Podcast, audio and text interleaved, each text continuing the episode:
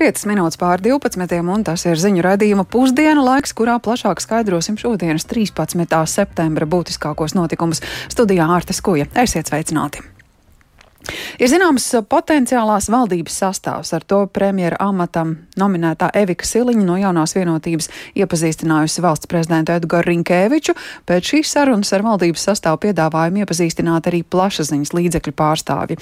Astoņi cilvēki būs bez iepriekšējas pieredzes valdības darbā. Valdības sastāva aprises gatavs izklāstīt kolēģis Jānis Kīncis. Labdien! Sveiki, kārtas, sveicināt radio klausītāji. Jā, vēl otrdienas vakarā notikušajās nākamās valdības veidotājas sarunās ir viestas pēdējās izmaiņas amatu sadalījumā, un saskaņā ar to jaunās vienotības izvirzītās premjera amata kandidātes Evikas Siliņas veidotajā valdībā visvairāk ministru septiņu vietas būs, no, būs paredzētas jaunās vienotības pārstāvjiem. Paredzēts, ka finanšu ministra amatu saglabās Arvils Ašerādens, izglītības un zinātnes ministra, ministra būs Anda Čakša. Bet tieslietu ministres amatu saglabās Ines Lībiņa-Egnere. Ārlietu ministra amatu ieņems līdzinājais premjerministrs Krišjāns Kariņš. Iekšlietu ministra Rihards Kozlovskis, vidas aizsardzības un reģionālās attīstības ministra būs Inga Bērziņa, bet par veselības ministru plānots apstiprināt Hosamu Abumerī no jaunās vienotības. Zaļo un zemnieku savienības pārstāvim Gunāram Kūtrim paredzēts pārņemt saimnes priekšsēdētāju amatu, bet valdībā ZZS pārstāvēs četri ministri. Labklājības ministra amatu plānots uzticēt Uldim Augulim, zemkopības ministra Armandam Krauzem, ekonomikas ministra amatu Viktoram Valēnim, bet Kasparu Melni virzīs uz klimatu un enerģiju enerģētikas ministra amatu. Un eh, visbeidzot no partijas progresīvie par satiksmes ministru kļūs Kaspars Briškens, par aizsardzības ministru Andris Sprūts, bet par kultūras ministriju Agnese Logina. Siliņa ar valsts prezidentu Edgars Rinkēviču šorīt pārunāja ka jaunā valdība uzreiz pēc apstiprināšanas ķersies pie valsts budžeta nākamajam gadam sagatavošanas. Lūk, eh, viņas teiktais. Lai cilvēki sajustu, ka mēs viņus redzam, un mēs varam mūsu darbos parādīt, ka cilvēks Latvijā ir galvenā vērtība. Skaidrs, ka mums ir jāveido tāda valsts pārvaldes sistēma, kas nāk pretī gan uzņēmējiem, gan arī mūsu iedzīvotājiem. Tāpēc viens no maniem galvenajiem uzstādījumiem būs panākt lielāku elastību arī dažādos jautājumos, ko uh, pieprasa valsts pārvalde. Tam būs vajadzīgs noteikti tāds katra ministra ieguldījums. Valdības deklarāciju papildinās konkrēti uzdevumi vēl līdz šā gada beigām. Tā skaitā elektroenerģijas sadales tīklu tarifu pieauguma daļēji kompensēšana, plānots ieviest banku peļņas nodokli, ratificēt Stambulas konvenciju cīņai ar vardarbību pret sievietēm un vardarbību ģimenē, kā arī nostiprināt pāru kopdzīves regulējumu un arī dzen, izstrādāt ilgspējīgu izglītības finansēšanas modeli. Piebilstot par topošās valdības komandu, Vairāki ministru kandidāti atgriezīsies amatā atkārtoti, piemēram, Uldis Auguls labklājības ministra amatā un Rihards Kozlovskis iekšlietu ministra amatā. Savukārt pirmo reizi darbam valdībā gatavosies visi progresīvo pārstāvji. Arī nākamās eh, valdības veselības ministrs Hosams Abu Merī, kurš saimā ir vadījis sociālo un darba lietu komisiju un ir ārsts. Par veselības nozares nonākšanu jaunās vienotības roku rokās trauksmi gan ceļ Latvijas veselības un sociālās aprūpas darbinieku arotbiedrība. Viņu satraukumu radījis atklātībā nākušais valdības deklarācijas projekts, kurā veselības nozarei atvēlēta vien 12% no valsts budžeta pamatfunkciju izdevumiem. Jā, nu, Domājams, ka viņu teiktais vēl turpināsies. Jā. Redzot to ministru kabineta sastāvu, mēs zinām, ka, protams, ir gaidāms balsojums saimā. Ar cik lielu balsu skaitu Evika Siliņa rēķinās?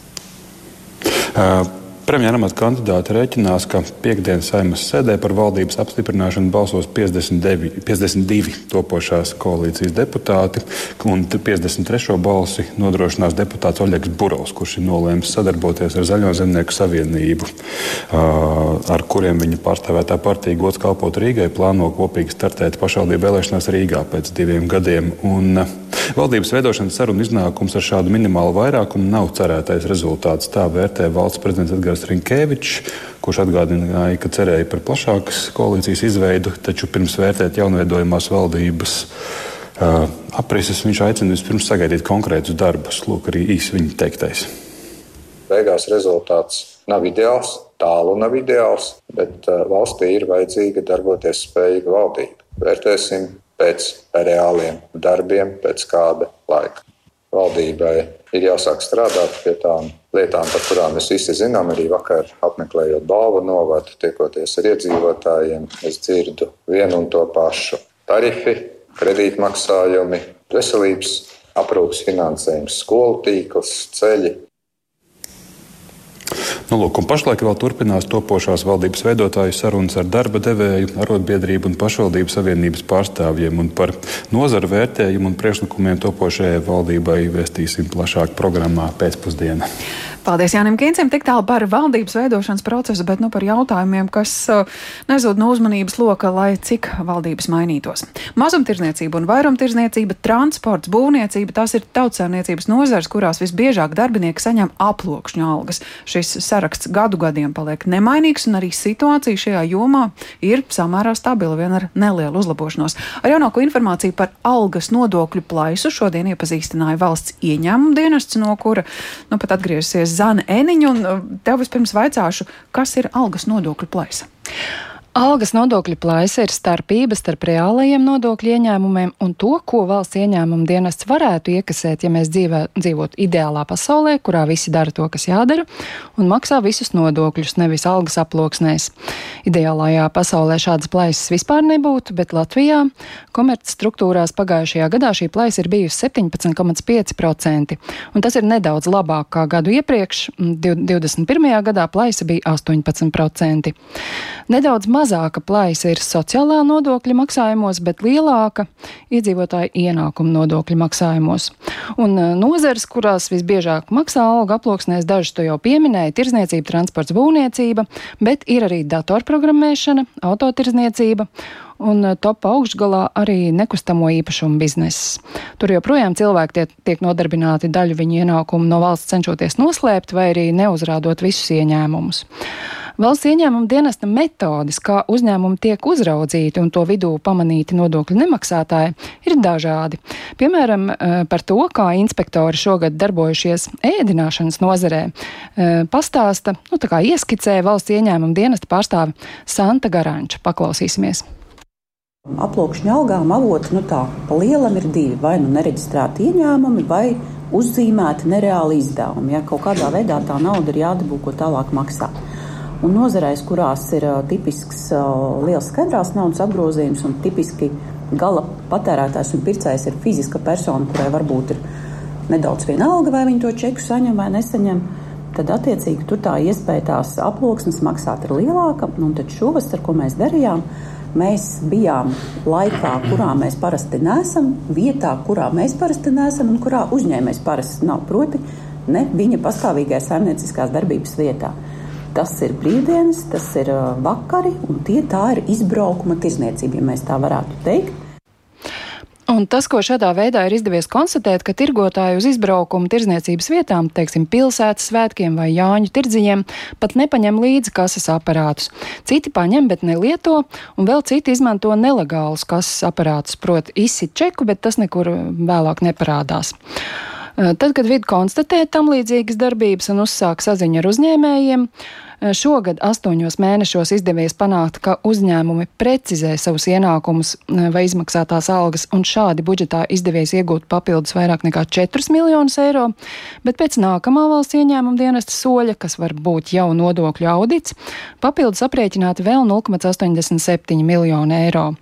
Un par aploksņu algām šogad uzsākti arī 29 krimināla procesi par kopumā valstī nodarītiem zaudējumiem gandrīz 6 miljonu eiro apmērā. Krimināla procesi skar būtībā tās pašas nozares, kurās ir arī visvairāk, visbiežāk uh, mm, aploksnēs maksātās algas un tirzniecība, būvniecība, kravu pārvadājumi. Un, lai uzlabotu nodokļu maksāšanas kultūru. Valsts ieņēmuma dienas no nākamā gada plāno ieviest jaunu tādu kā stimulējošu instrumentu, proti reitingus. Valsts ieņēmuma dienests publiskos uzņē, visus uzņēmumus, katram piešķirot eh, tādu tā kā godīgumu pakāpi, kur augstākā ir A, tad nākamā ir B un, un tā uz leju. Un, un šī būs publiski pieejama informācija, un, un cilvēki, kas veidos uh, kaut kādas biznesa saiknes ar kādiem citiem uzņēmumiem, varēs ieskatīties un redzēt, vai potenciālais partneris ir kārtīgs nodokļu maksātājs vai nē.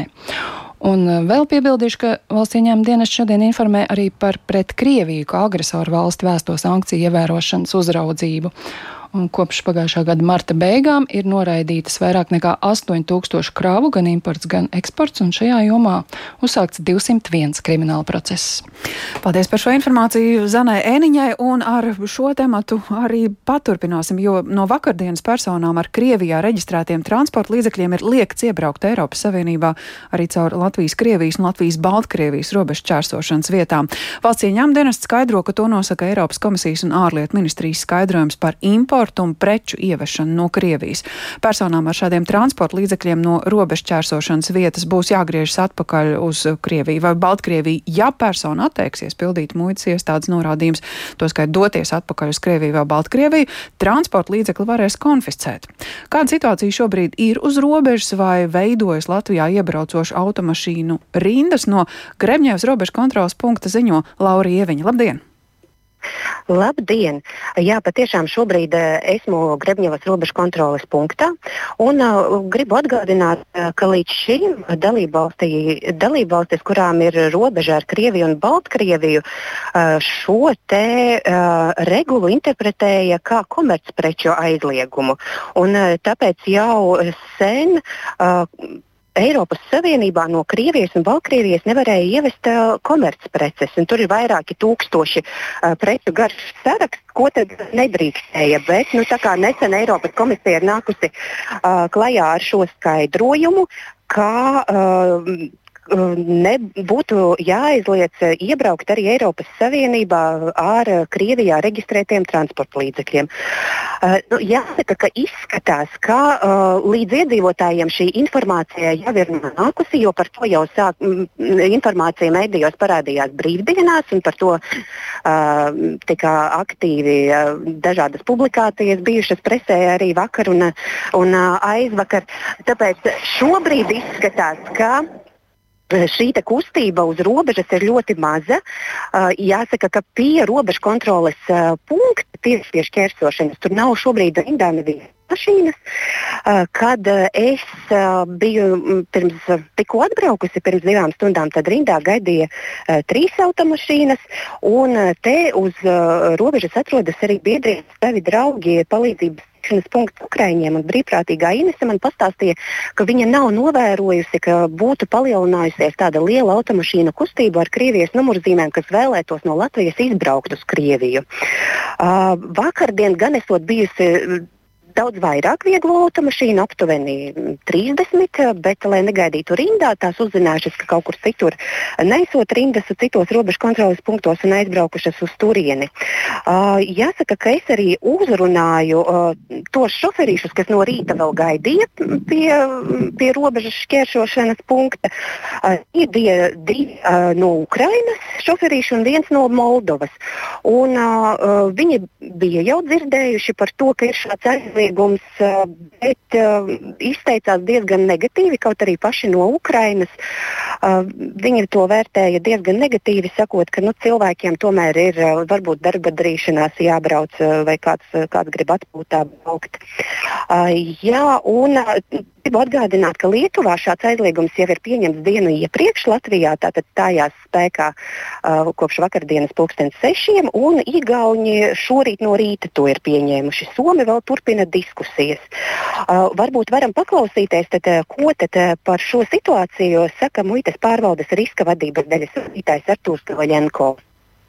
Runājot par vieglām automašīnām, to skaits mēnesī caur Latvijas Republikas robežu punktiem varēja iebraukt ap 500 automašīnām. Četri muitas kontrols punkti - Silena, Tereho pārtnieki Grebņā, kā arī Vientuļi un uh, Pedeze. Uz doto brīdi, tas ir kopš vakardienas pulkstens 18, tikai viena mašīna ir mēģinājusi iebraukt ar Krievijas numuriem, kuri arī tika atgriezti atpakaļ uz Krieviju.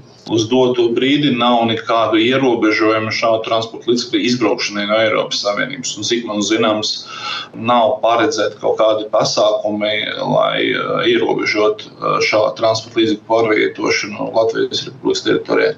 Pārējās preces, personīgās mantas, jūs šobrīd nekontrolējat? Nu, mēs viņus kontrolējam tā kā arī iepriekš, proti, konstatējot, ka personai līdzi ir preces, kuriem iespējams ir komerciāla raksturs, tad noteikti sekos reakcija no vienas dienas puses. Jā. Laura, vai tev vēl kas piebilstams šai sakarā? Jā, es tikai īsi gribu pateikt, ka nu, jā, šobrīd šīs automašīnas ar Krievijas numurzīmēm var brīvi pārvietoties Latvijas eh, teritorijā un pēc Latvijas Republikas normatīvajiem regulējumiem. Šobrīd konfiskācija nav iespējama un tātad arī brīvi izbraukt no valsts viņas var. Uh, un šobrīd turpinās konsultācijas arī ar Eiropas komisiju. Uh, iespējams, būs kādi izņēmumi šai normai. Piemēram, iebraukt no Krievijas varēs tās personas, uh, kurām Latvijā ir pastāvīgās uzturēšanās atļaujas. Bet nu, to tad uh, skatīsimies vēlāk, vai būs šāds, uh, šādas izmaiņas vai nē. Mhm. Paldies! No Krebņevas robežu kontrolas punkta ziņoja Laura Ieviņa. Kā zināms, no vakara vakara sešiem ir spēkā aizliegums Eiropas Savienībā arī caur mūsu robežu punktiem iebraukt ar Krievijā reģistrētiem transporta līdzekļiem. Bet izmaiņas iespējams gaidāmas arī uz Latvijas-Baltkrievijas robežas, ņemot vērā Baltkrievijas realizēto nelegālās imigrācijas spiedienu. Iekšlietu ministrija vakar paziņoja, ka sagatavojas lēmumu projektu, kas paredz slēgt vienu no diviem robežpunktiem uz robežas ar Baltkrieviju - Silens robežpunktu. Tas ir punkts, caur kuru ikdienu izbrauc ap simt vieglo automašīnu, un šobrīd rindā uz izbraukšanu tur gaida arī 90 kravas automašīnas. Robeža ar Baltkrieviju vēl varēs šķērsot caur paternieku cilvēku robežu čērsošanas punktu. Cik noslogot šobrīd ir silēns punkts un kā situāciju varētu ietekmēt tā slēgšana, par to plašāk no robežu punkta ziņo Silvijas Māgar. Labdien! Sveika! Uh, jā, atrodos šobrīd Silenē, vairākas stundas jau esmu šeit. Un, salīdzinot ar Lauras stāstīto par Krievijas robežu, šeit situācija ir nu, krietni dinamiskāka. Mm, kā jūs minējāt, jā, 90 kravas automašīnas stāv rindā, arī pati braucu garām. Tas ir kilometros stiepjas. Un šobrīd tā statistika ir tāda, ka vidēji 260 arī privātās mašīnas, kas izceļo vai ieceļo no Baltkrievijas vai uz Baltkrieviju caur šo Silenes punktu. Um, starp citu, runāt par to statistiku, arī uh, tie dienakti ir tagad gandrīz tūkstoši cilvēki, kas uh, pēc tam līdzvērtīgās pozīcijās iebrauc Latvijā vai izbrauc uz Baltkrieviju. Nu, katram šim stāstam ir, protams, sava motivācija, kāpēc cilvēki brauc no vienas valsts uz otru. Uh, Latvijas uh, puses cilvēku, es uh, redzēju, aprunājos, lielākoties brauc apciemot savus radiniekus, brauc uz kapa vietu, jo jāsaprot, ka Silene atrodas nu, Augstbāgavas novadā un tie ir ļoti tuvu Baltkrievijai.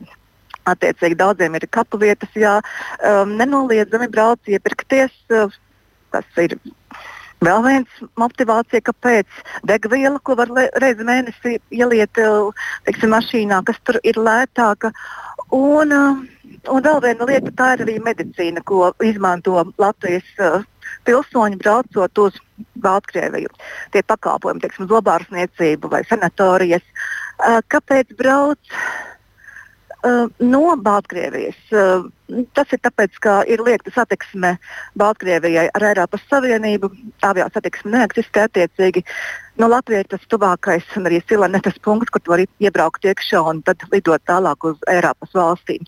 Uh, tā kā var teikt, ka ja Silene šeit šo punktu slēgs, tā pirmie zaudētāji, protams, būs iedzīvotāji, kuri kuriem būs liekta varbūt daļai šī iespēja. Varam paklausīties arī uh, Augstdaugavas novada domas izpildirektora un Dāngāpils domas deputāta Pētera Zābi no Dāngāpils novada partijas komentāri par šo situāciju.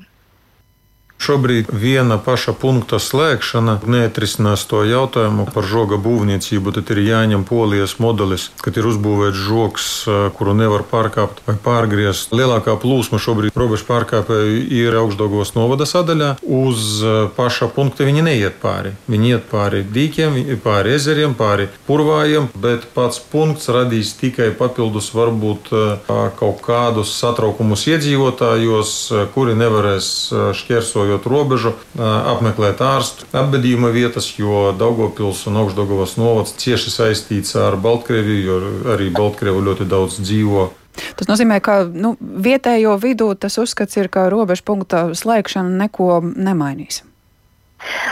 Būtībā mainīs, jo paliek tuvākais robežu punkts Pāterniekos. Tas ir Krāslavas novadā. Un, attiecīgi būs tālāks ceļš jāmēro, lai tātad tiktu Baltkrievijā. Un jāsaka, ka tā būs milzīga slodze kā Pāternieku robežpunktam, jo jau šobrīd tur ir 260 kravas automašīnas, kas stāv rindā. Nu, ja pieskaitām tagad šīs 90, kas ir Silenē, tas nozīmē, ka diennaktī šī plūsma būs vēl lielāka, protams, un to jau var redzēt arī īstenībā pēc situācijas Lietuvā, jo ļoti daudz mašīnas, kas šeit šķērso robežu, ir Lietuvas numuriem, un Lietuvas cilvēki, kas brauc, un kāpēc viņi to saka, ka, kāpēc viņi to dara, jo viņiem ir aizvērti divi robežu punkti uz Baltkrieviju.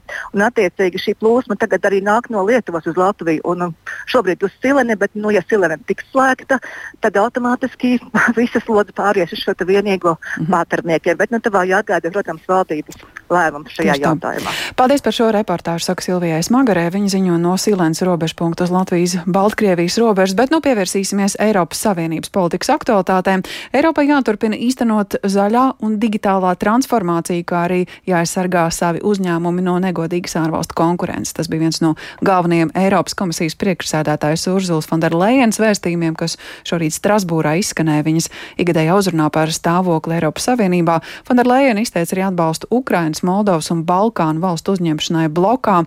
Uzrunāja, kas noslēdzās pavisam pirms neilga brīža klātienē sekoja arī mūsu korespondents Arķems Konahovs, ar kuru tagad esam sazinājušies tiešraidē. Labdien, Arķem, un sāksim ar jau pieminēto zaļo un digitālo pārkārtošanos, vai no Fonderlejens uh, ir izskanējuši arī kādi konkrēti priekšlikumi šai sakarā?